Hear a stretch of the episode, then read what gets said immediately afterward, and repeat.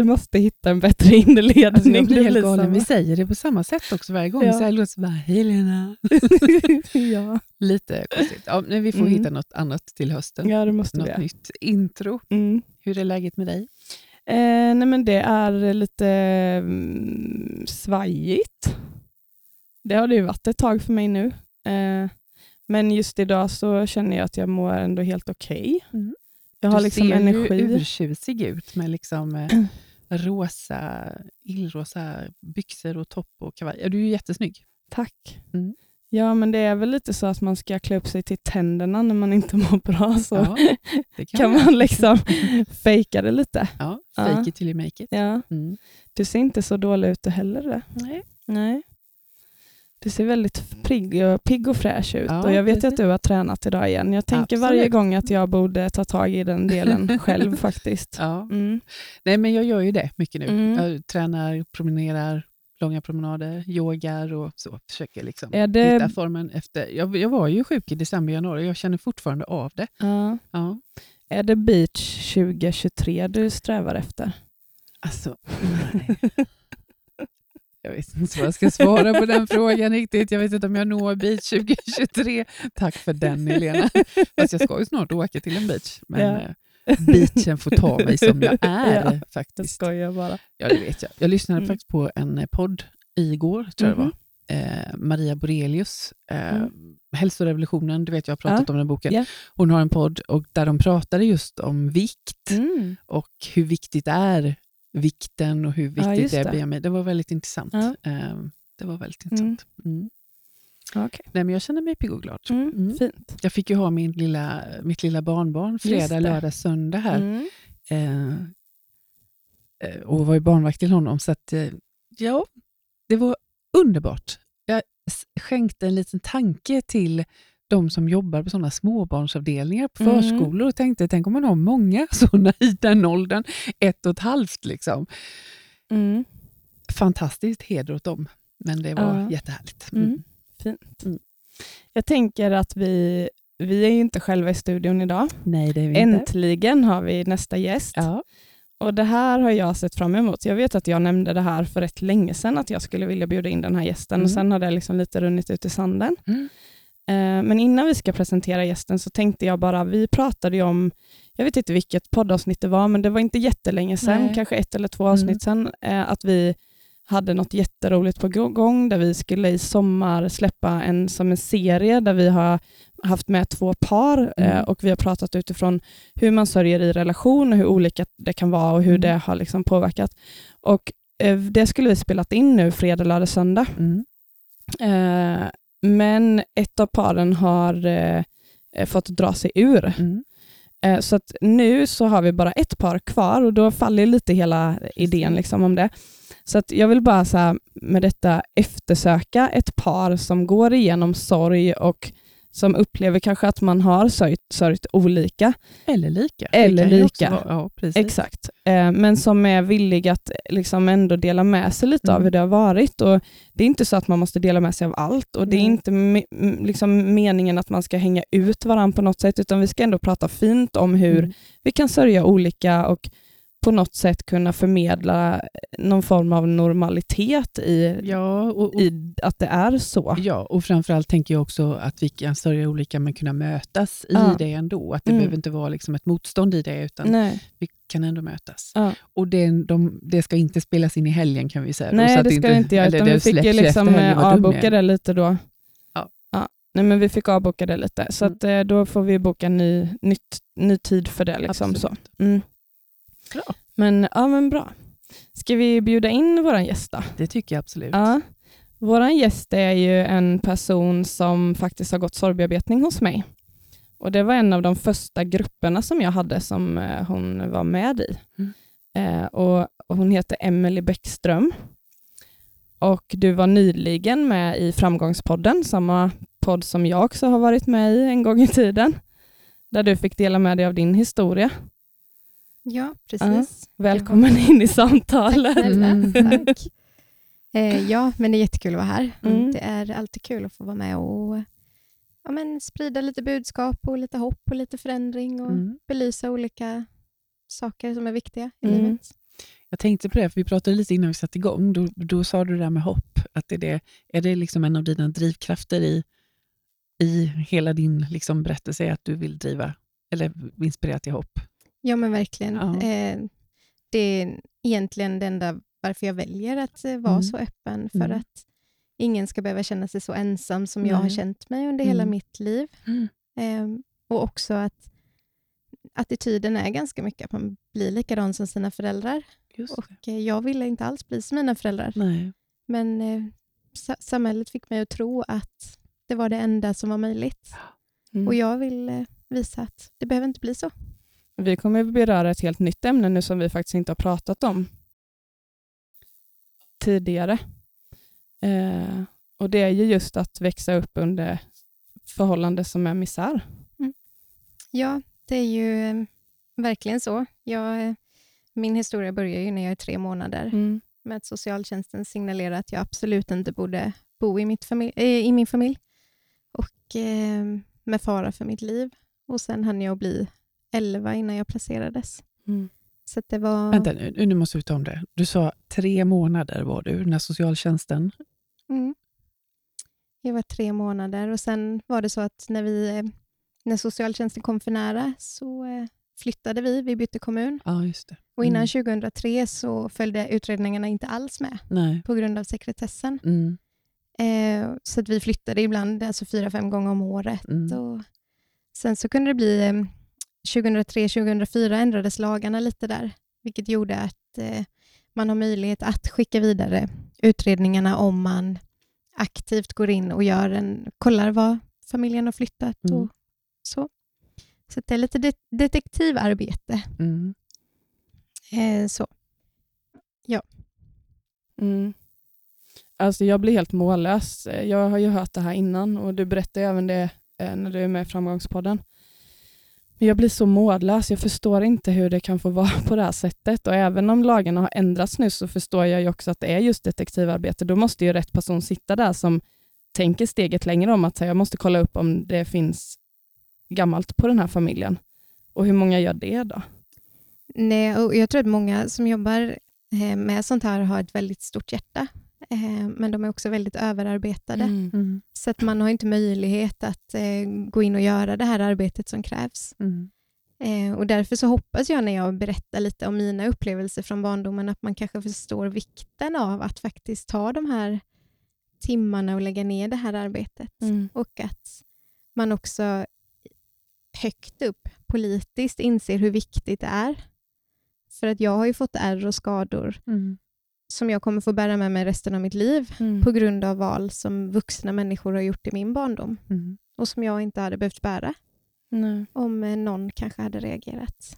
Men jag Jag, tänk, har, jag har jobbat som lärare. Jag jobbade, och det är jättelänge sedan jag slutade jobba som lärare, men jag jobbade på en liten resursskola här i Nässjö under många år. Eh, och innan 2003-2004. Så jag känner igen det där jätteväl där du berättar. Alltså vi fick nyinflyttade och så kom de från resursskola, barn. Så misstänkte vi, du vet, och sen så gjorde vi orosanmälan och så precis som du beskriver det, så fort SOS kom för nära, då flyttade de. Eh, så det, det, var, det var oerhört frustrerande. Mm. Mm. Det måste vara väldigt frustrerande som skola också att man ändå gör det här, att man gör en anmälan Ja. och så hjälper det inte. Nej, precis. Så att och vi har ju haft mycket, jag har ju gått väldigt lite i skolan. Mm. Eh, mellan klass 1 och 5 gick jag sammanlagt 42 skoldagar på grund av att vi flyttade och för att mina föräldrar inte ja men, de hade inte förmågan att skicka iväg oss till skolan. Nej. Vilket gjorde att egentligen borde det gjorts hundratals anmälningar för att jag Ja. var ju väldigt sällan i skolan. Mm. Mm. Men det gjordes inte.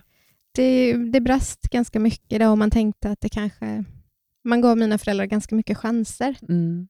För man hoppades att de skulle förändra sig. Mm. Eh, Så jag brukar prata om eh, att jag var utbränd redan som sexåring. Eh, Och det är ganska viktigt för mig att ja, men erkänna det för mig själv, att jag har varit utbränd hela mitt liv. Mm. För att det är också någonting jag kommer få jobba med hela mitt liv. Det här att hela tiden balansera på kanten Ja. till att det blir för mycket och då orkar jag inte. Eh, och det var för att alltså, vi, det var väldigt mycket fylla hemma och väldigt mycket ja, men fester och det var, alltså, vi blev slagna varje dag. Vi hade sällan mat. jag vet att ibland så sprang vi och snodde mat från eh, soptunnan bakom affären och, Mm. och så här för att stilla den här smärtan i magen.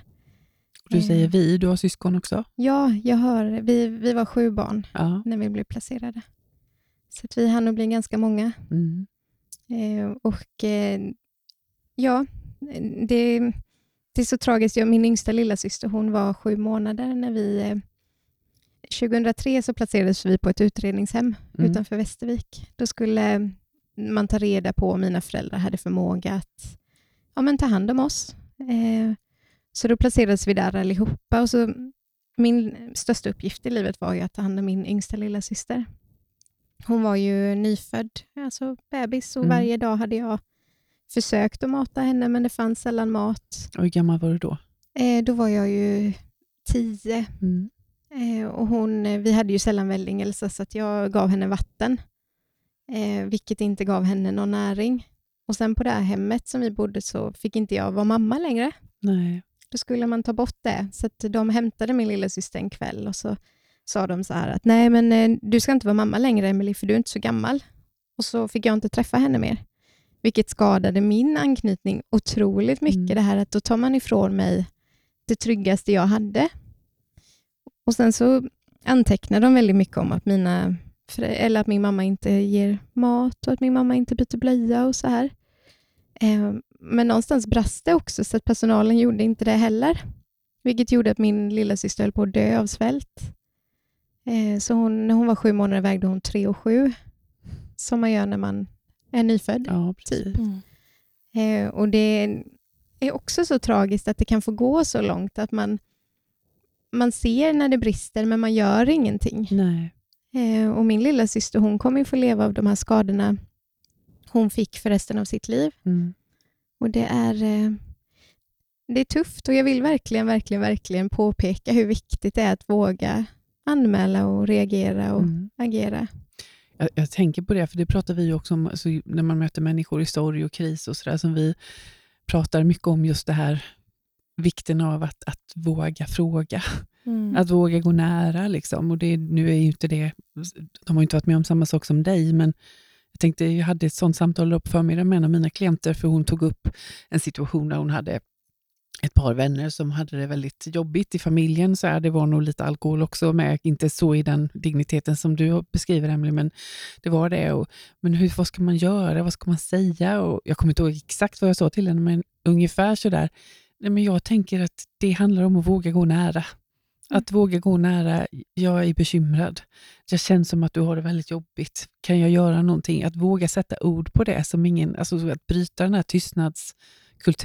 Mm. Mm. Mm. Jag vet också att du, ehm, jag tror det var i Framgångspodden du berättade om att eh, på grund av eh, liksom hur din pappa betedde sig så, så vågade ju, alltså ni fick inte ha några kompisar på grund av att andra föräldrar sa åt sina barn att hålla borta därifrån Mm. och sådana saker. Ja, alltså min pappa var ju ökänd som den här alltså, tokiga människan som man inte vill ha med att göra, vilket innebar att vi fick ju inte heller och därför blev vi så avskärmade från hela samhället. Mm. Så vi, alltså det livet vi levde med att bli misshandlade varje dag och att inte ha någon mat och att hela tiden höra hur dålig man var. Alltså det, man trodde ju att det var så livet skulle vara. Mm. för vi fick ju inte se något annat. Ni visste inget annat. Och det var ju aldrig någon heller som vågade fråga alltså hur man mådde. Jag minns vid ett tillfälle jag tappade, vid ett av tillfällena när jag var i skolan så tappade jag handduken. Och då var ju, eh, eh, ja när vi hade idrott Ja. så tappade jag handduken och så var jag ganska blåslagen. Mm. Och då såg en lärare detta och frågade liksom ingenting utan hon vände därifrån. Sen så gick hon och ringde min pappa och frågade vad som hade hänt med min kropp och varför jag var blå. Vilket innebär att hon vågade inte fråga mig så att jag fick ingen chans att berätta sanningen Nej. utan hon ringde den som hade orsakat skadorna så att jag fick ännu mer stryk Mm. efteråt för att jag hade berättat. Mm. Mm. Och hade hon vå- frågat mig så kanske jag hade faktiskt brutit ihop Ja. och vågat erkänna. Mm. Jag tänker det Dubbel, där, dubbelt svek liksom. Ja, jag tänker att det där känns ju ett lite klassiskt sätt att hantera den situationen på, för det känns inte som det första gången man hör att det är så man hanterar det. Nej, man hör ju det hela tiden. Ja. Men, men jag, nu blir jag så här, ni var, du är sju syskon sa du, Mm. och, och en del av dem hade kontakt med skolan. Måste ju, alltså, vi, var är du i syskonskaran? Är du, Eh, jag är eh, tredje Ja. äldst. ja, just det. Så, men ingen i skolan liksom? Nej, alltså vi- Anmälde eller? De anmälde lite grann eller så, men Ja. vi flyttade ju Ja, just det. eh, Mm. ofantligt mycket. Mm. Så jag tror att många människor ändå gjorde sitt jobb och anmälde, och så här, men det gick inte riktigt Nej. att eh, ta, alltså lyckas fånga oss eller så. Mm. Mm. Eh, sen till slut när vi blev eh, ja, men, eh, placerade så blev det en LVU-placering. Mm. Eh, och eh, att då Och du kan hamna... förklara LVU, för alla kanske inte ja, vet vad det är. det. eh, det är en tvångsplacering. Eh, och eh, Det innebär att eh, dels separerar de alla syskonen utom mina två äldre halvbröder, Mm. för de fick flytta till sin pappa. Eh, och då också så blir det ganska otryggt från att varit många syskon nära så får vi inte bo någon ihop. Och sen så placeras man i ett samhälle. Jag minns att jag placerades 2 juli 2004 eh, och eh, skulle börja skolan i augusti där och då började jag klass 5 och hade liksom inte gått i skolan mer än 42 skoldagar. Ja. Eh, och att också, när jag började skolan så jag hade ändå lärt mig läsa för att jag var ganska driven, jag ville Mm. kunna det så jag hade lärt mig det hemma. Men det som brast otroligt mycket var ju alla de här oskrivna reglerna. Ja. Vad gör man? Vad gör man inte? Hur beter Mm. man sig? Mm. Och, eh, och där brast jag jättemycket och jag fick så mycket skäll hela dagarna för att jag gjorde olämpliga saker. Just det, du kunde inte det sociala samspelet. Nej men inte alls, Nej. för vi hade inte varit en del av samhället. Eh, vilket innebär att man påpekade så mycket vad jag gjorde fel och man påpekade väldigt lite vad jag gjorde rätt. Mm. Men det var inte så heller att man gick ner på min nivå och började om. Nej. För där skulle man ju börjat behandla mig som att jag kanske var en tvååring egentligen. Mm. Mm. Jag tänker återigen så hör man ju hur okunskap, alltså hur mycket okunskap kan ställa till det. Mm. Så det är ju det, det du gör när du berättar din historia nu är ju så viktigt. Ja, men jag hoppas verkligen att kunna belysa det här, just alltså vikten av... För att jag kände mig så värdelös. Alltså, Mm. Hela min barndom så blev jag slagen äh, Mm. och misshandlad och jag hörde hela tiden att allt var mitt fel. Och, och sen då när jag blev familjehemsplacerad så ja, men då var man fel där och man fick Också. bara höra det här som jag gjorde fel. Så det bara späddes på ytterligare. Ja, vilket resulterade i att jag till slut bara kände att nej men den här världen skulle ju se så mycket bättre ut utan mig. Och att jag för, försökte aktivt att ta mitt liv och var ändå nära att lyckas. Eh, och eh, tack och lov gjorde jag inte det, kan jag säga idag, men Mm. det var en väldigt tung period. Och jag, det är så hemskt att det ska behöva gå så långt att en människa ska känna att nej men jag, är, jag duger inte för den här världen. Nej. För hade jag fått börja bearbeta allt jag hade varit med om när jag var 10-11 Mm. och hade folk reagerat under min barndom så hade jag kanske inte hamnat där. Att jag ville ta livet av mig. Nej, precis. Nej. Men när började du vända dig till att få hjälp och bearbeta det du bär på? Så det var nog typ eh, runt 20, 19-20 års åldern. Eh, och efter mitt självmordsförsök där, så kände jag nog någonstans att jag hade en tant som jag ändå hade under min tid som jag var familjehemsplacerad som Mm. bodde granne med, med oss. Och jag gick in till henne nästan varje dag och vi satt och virkade. Och hos henne var det ovillkor, vad säger man, villkorslös kärlek. Eller? Mm. Ja. Eh, och hon bara, liksom jag dög som jag Mm. var. Och hon sa en gång till mig att Nej, men vill du ha ett bättre liv, Emily så kommer ingen annan ge dig det. Nej. Utan du får liksom skaffa det själv. Mm. Och jag blev jättearg när hon sa det först och tyckte Ja. att liksom, men det är ju alla andra människors fel att jag lider och att jag har ett jättedåligt Mm. liv. Men efter det någonstans, mitt självmordsförsök, så kände jag nog ändå att men det kanske ligger lite i det. Mm. För jag var så ensam och där var också så väldigt tydligt att men jag var ganska sjuk, hade opererats mycket och folk vågade inte ringa till mig eller höra av Nej. sig. Utan då blev jag ganska ensam Ja, igen. Mm. Eh, och, och den här ensamheten tär ju otroligt mycket och att faktiskt ingen vågar prata om elefanten i rummet. Nej, eller så här, man vågar inte fråga att, men hur mår du egentligen? Precis, Mm. den där lilla frågan. liksom. Ja, Hur och jag du? ville ju inget annat än att någon skulle fråga dig jämt. Det Typ. var precis vad jag sa till min klient idag. Under alla de åren jag har jobbat med detta, så alla de människor jag har träffat, så alla säger precis samma sak. Det finns ingenting heller som jag vill prata om, men alla undviker det. Mm. Det är ju vad dumt. Ja, men det är så dumt. Och det värsta som kan hända, det är ju att man får ett svar, nej men jag vill inte prata om det. Nej, Det är det värsta som kan hända. Mm. Mm. Mm. Eh, nej, men, och det var, det var också en tuff resa det här, att när jag började känna att men nu ska jag ta hjälp av sjukvården, då skulle man behöva bevisa att man inte mår bra, Mm. Just det. för att det syntes ju inte på utsidan. Nej. Nej. Eh, och, Och hur gammal var du då ungefär? Hade du flyttat från familjehemmet då? Ja, men då var jag ändå vuxen Ja. och började jobba och så här. Och, och då... ja, men att ändå behöva gå och säga att men jag mår inte bra, jag vill inte leva mer. Mm. Och, och våga säga det till en annan Mm, människa är ja. ganska... Då blottar man sig ganska Ja. mycket. Mm. Och att då sen få frågorna, men hur mycket vill du ta livet av dig? Eller är det verkligen stämmer det? Och, och att man kanske vill ge lite mer piller än Mm. att börja prata om det som faktiskt gör ont. Mm. Det är ganska tragiskt. Mm. Ja, det är det. Det är det.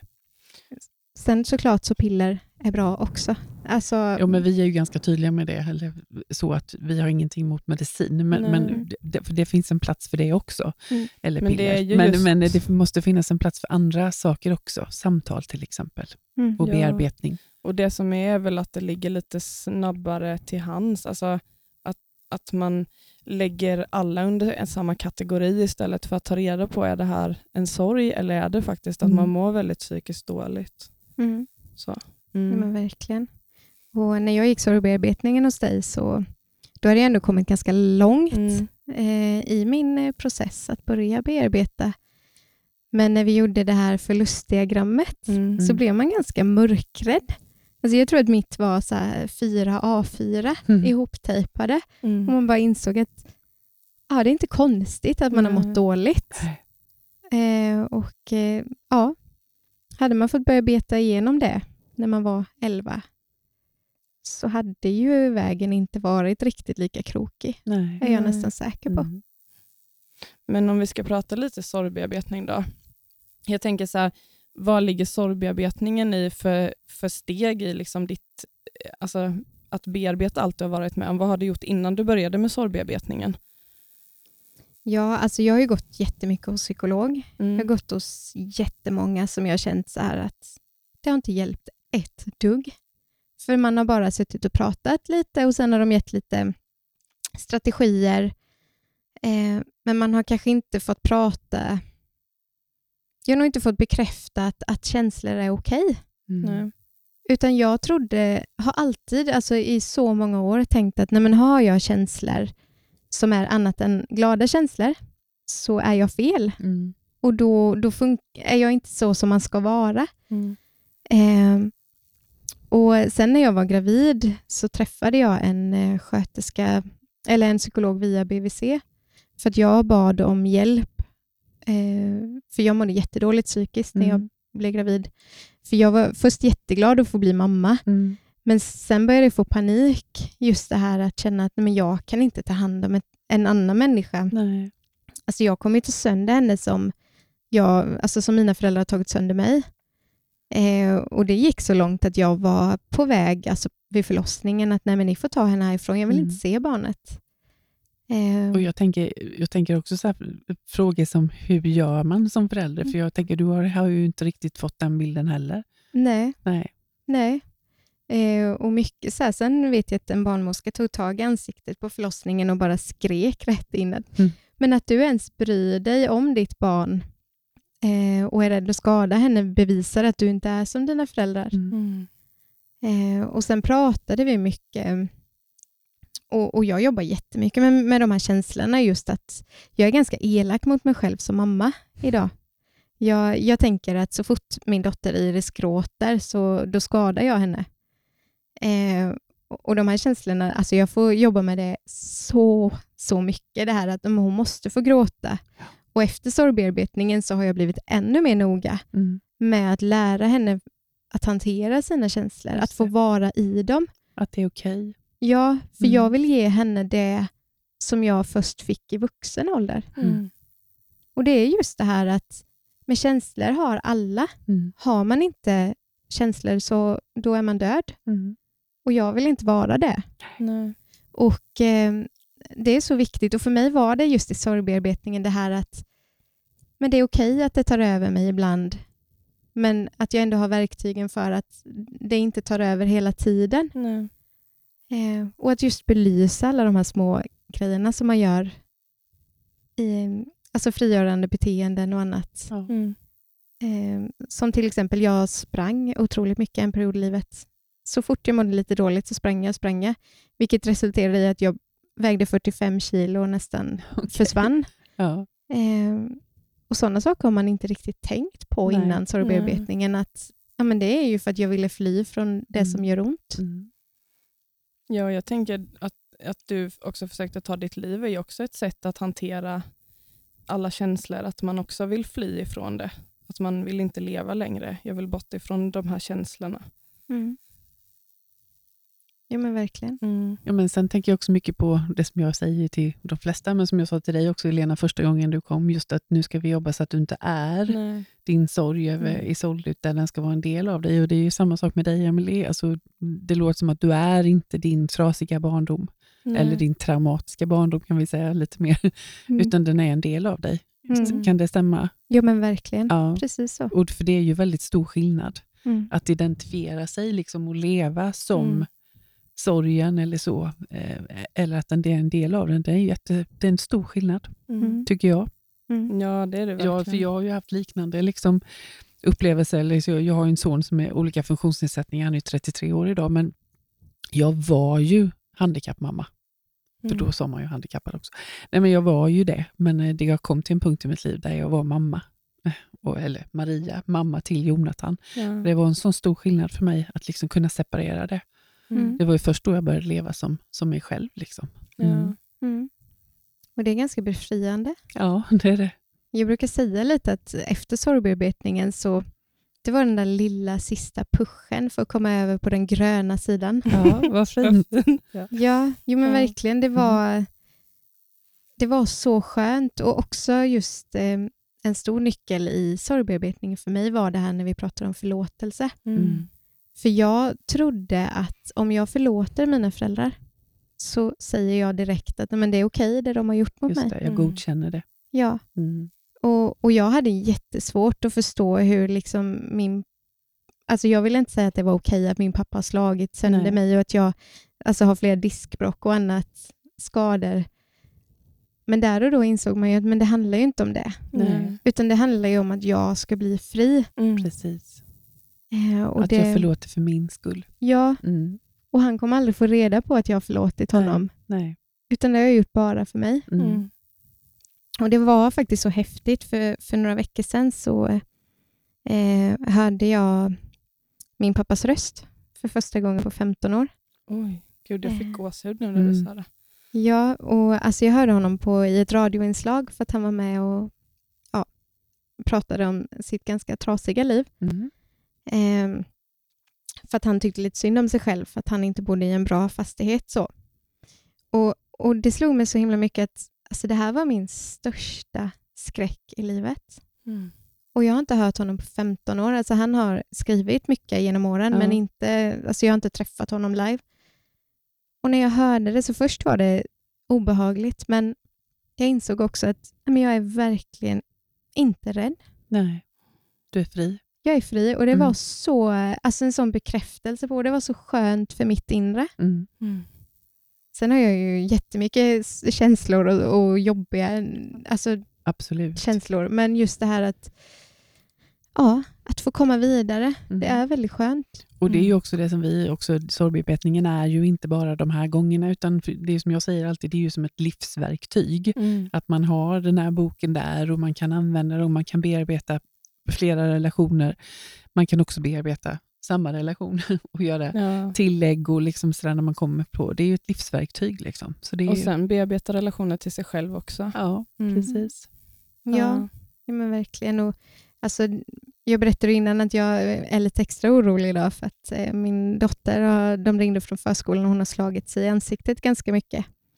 Eh, och eh, För mig är det en jättetrigger för att när de tog min lilla syster från mig när, jag, när hon var sju månader Mm. så dog hon nästan.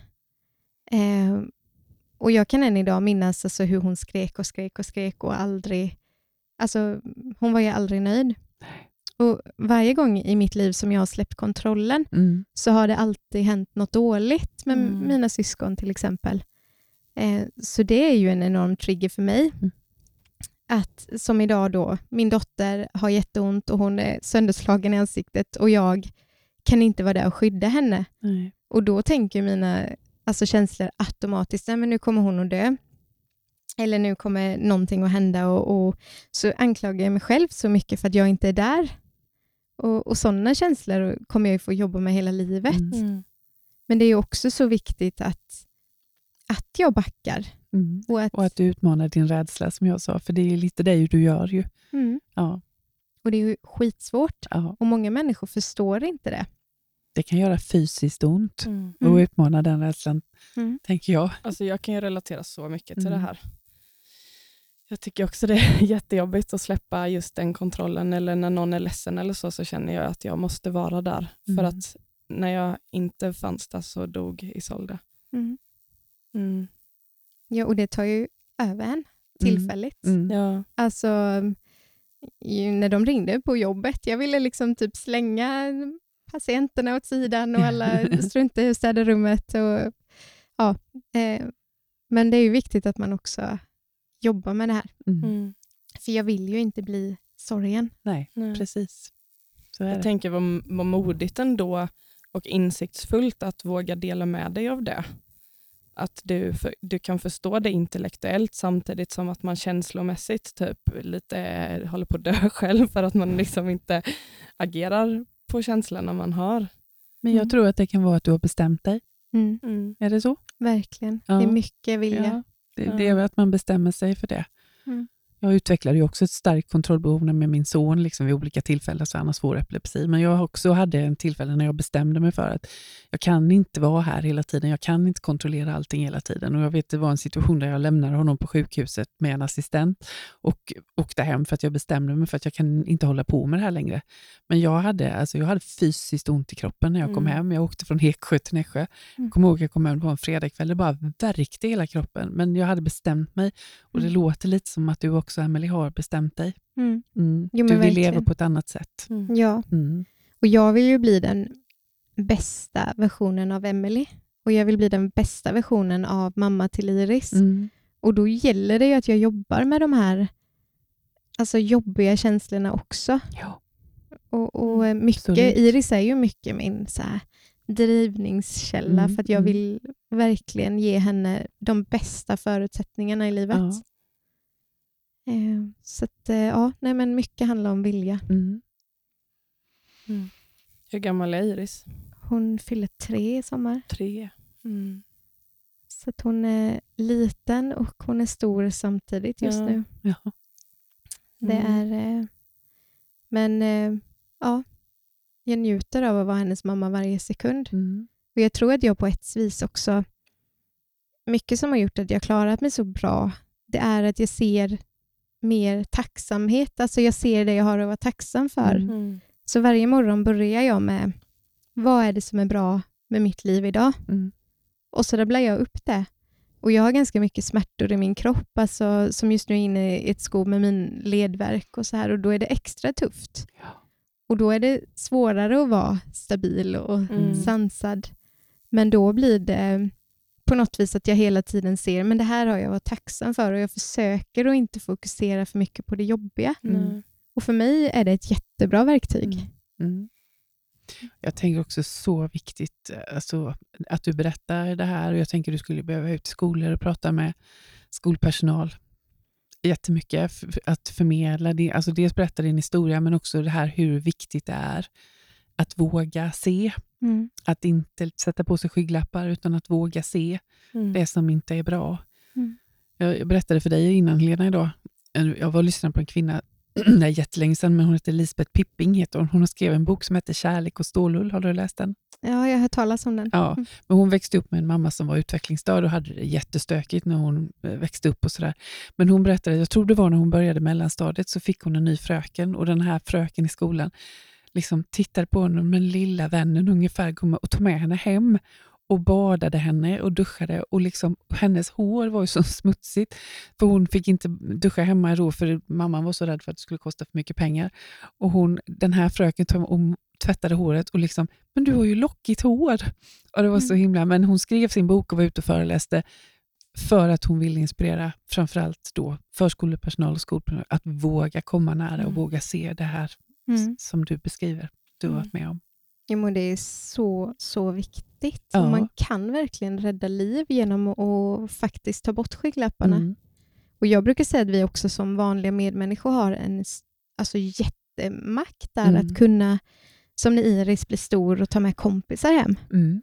Alltså att visa dem att nej, men, så här ska ett normalt liv se ut. Ja, Mm. Att man kan äta middag ihop och man, ja, men man är ett kärleksfullt hem. Mm. För att där kan man också på något vis belysa för de här barnen att men det du lever är inte riktigt som det bör. Nej. Nej. Eh, så det, där tänker jag köra Mm. stenhårt när, när det, den perioden i livet kommer. Mm. Mm. Mm. Och jag är ju ganska orädd för att göra orosanmälningar och så också. Mm. För att jag vet hur mycket det har skadat mig. Mm. Att ingen har reagerat. Ja.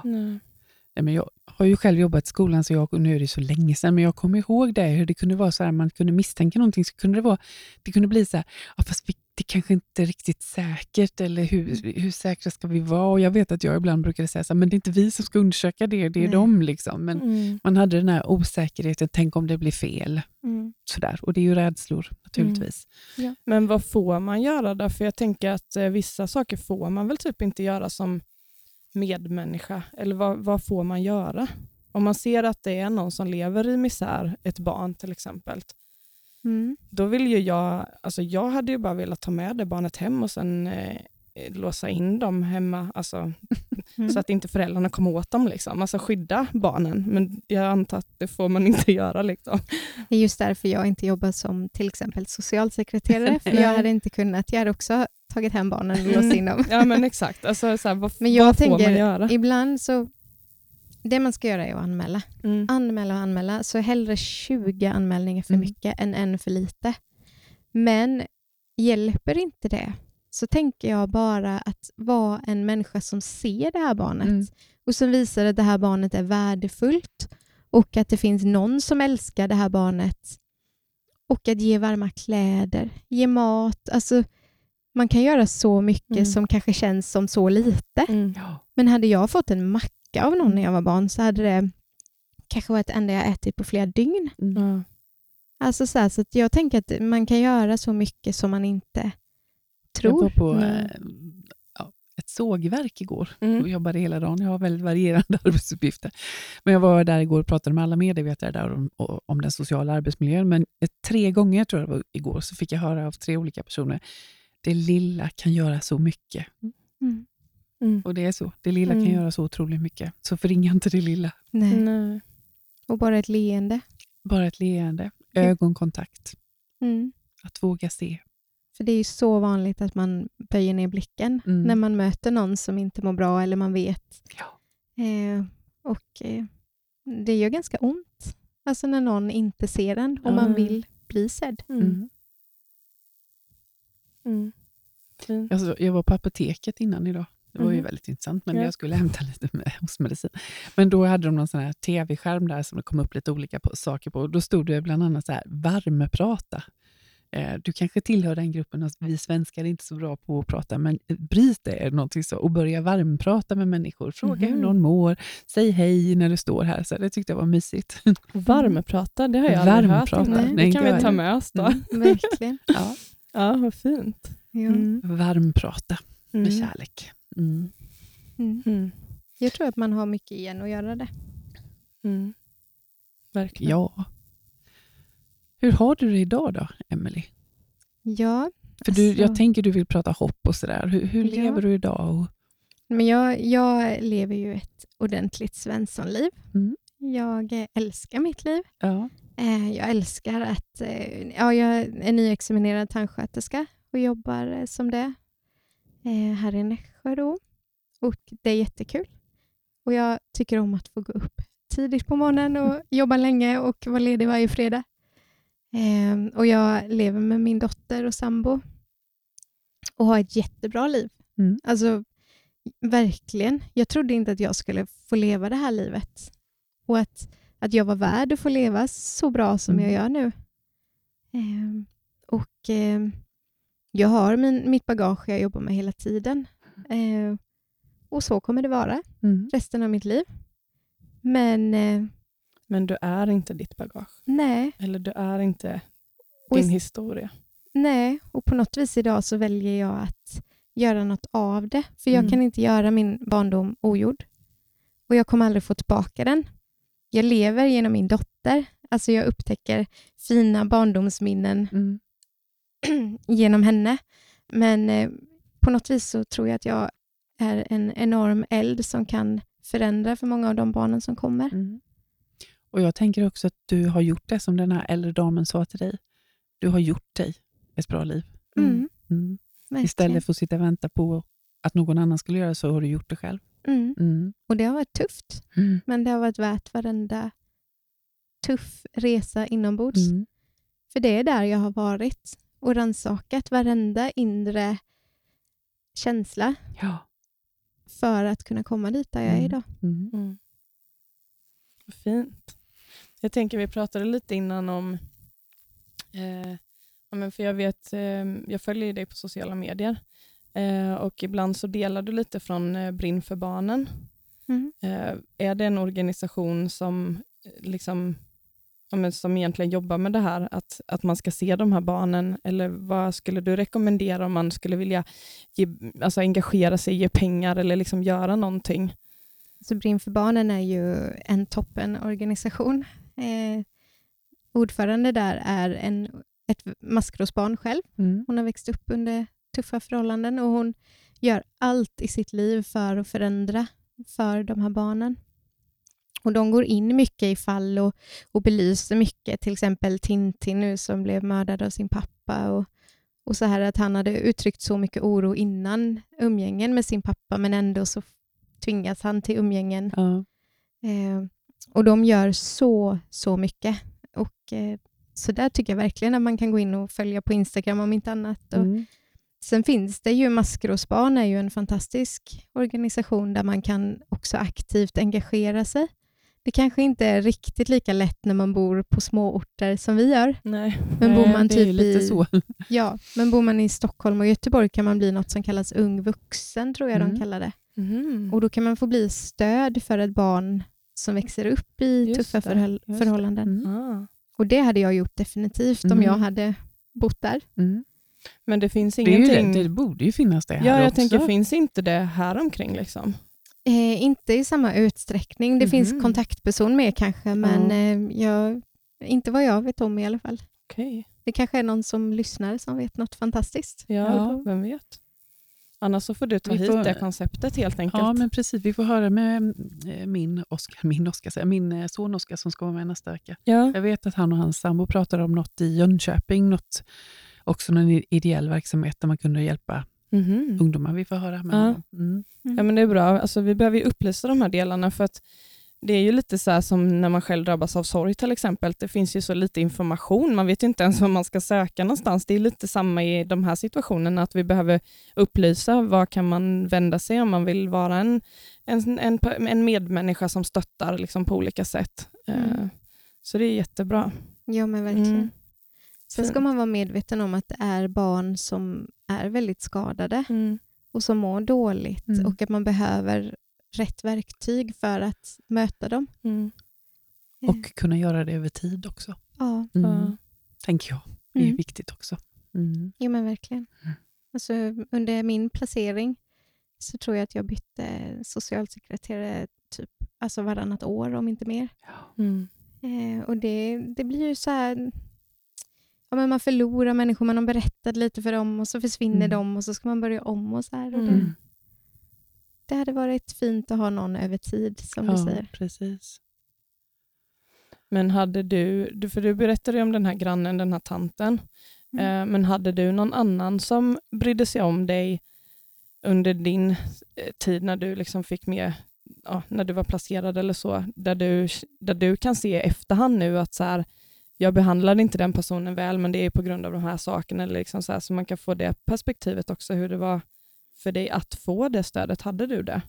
Jo, men det hade jag runt mitt självmordsförsök och där så hade ja. jag en vän som, eh, ja, men som fanns där väldigt mycket och som uppmärksammade att, att jag inte mådde bra. Och, och Jag var så oförmögen att ta emot den kärleken, för att jag trodde ju inte att jag var värd den. Och jag var ganska elak. Och, ja, men jag, jag vet att jag slog mycket på honom och jag skrek och jag var så elak. Eh, och Han bara tog emot och han kramade mig och han fanns där. Och, och Han är jättebetydelsefull för mig än idag och som verkligen är en människa som har ett, alltså en, han är en stor hjälp till att jag har accepterat att jag är bra precis som jag är. Mm. mm. För att idag känner jag det. Mm. Och jag älskar den jag är och jag kommer inte vara någon annan för någon mm. annans skull längre. Eh, men jag var väldigt elak mot honom och jag har så många gånger i efterhand bett om ursäkt. Mm. Eh, och får bara till svar att Nej, men du mådde inte jättebra, Emily. Nej. Jag tänker det är viktigt att belysa den, den sidan också, just av den anledningen som du säger, att du kunde inte ta emot det, men att den här personen inte svek dig tillitsmässigt, utan den personen tyckte om dig även om du betedde dig på det sättet. Och det förstår ju vi som pratar utifrån sorg, att du kanske inte hade kunnat bete dig på något annat sätt just då, mm. eh, men att man inte blir lämnad, mm. utan att den personen jobbar över tid. Alltså så. Och att bli lämnad är ju någonting som jag har blivit i hela mitt liv. Mm. Och det är ju också en liten trygghet att fortsätta bli lämnad. Ja. Mm. För då behöver man ju inte släppa in någon Nej. som det är kan det du kände mig. till också. Ja. Mm. mm. Är det något mer, Emily, som du känner att du skulle vilja berätta eller säga? Nej, men jag vill nog bara alltså mest så belysa att du är inte som dina föräldrar. Mm. Du behöver inte bli sån. Nej. Nej. Och att det finns så mycket hopp, men att man kan få kämpa för det. Mm. Eh, så verkligen säga, alltså, till vuxen ålder så trodde jag att jag var ensam om att växa upp under sådana här förhållanden mm. och vi är inte ensamma. Nej. Vi är så många och vi kan verkligen hitta styrkan i varandra. Mm. Ja. Fint. Mm. Fint. Verkligen. Ja. Det var jättefint att få ha dig här. Och Jag tänker också, jag vet att det finns en del eh, pedagoger som lyssnar på den här podden. Mm. och Jag tänker till de pedagogerna som jag vet och till andra som också lyssnar, att jag tycker ni ska kontakta Emelie och ta, ta henne till en av era skolor eller så på någon studiedag. Så, för det, det är viktigt. Mm. Det är viktigt och, och du mm. har så mycket liksom, du, du, har ju så mycket erfarenhet, men du har också det här hoppet som du pratar om, men också kan du ingjuta det här modet hos andra, mm. liksom de som jobbar i skolan, att det är inte farligt mm. att komma nära. Och det var precis vad du hade behövt. Mm. mm. Så det, det säger vi nu. Ja, det gör vi. Anlita Emily. Mm. Hon får, hon får gå från sitt tandsköterskejobb. men du har ju föreläst lite faktiskt runt omkring här ju. Ja, eh, men det jag har inte kunnat gå på en enda gång, fast jag kollar varje gång du lägger ut någon ny föreläsning. Jag bara, kan jag det datumet? För att jag vill så gärna mm. eh, komma och lyssna. Och Jag har ändå, även frågat ifall inte du och jag ska föreläsa tillsammans mm. någon gång. Det hade varit jättehäftigt. Mm. Så vi får se vad som händer mm. framöver. Mm. Men eh, tack så jättemycket, Emelie. Tack, tack för att jag fick vara med och samtala lite. Mm.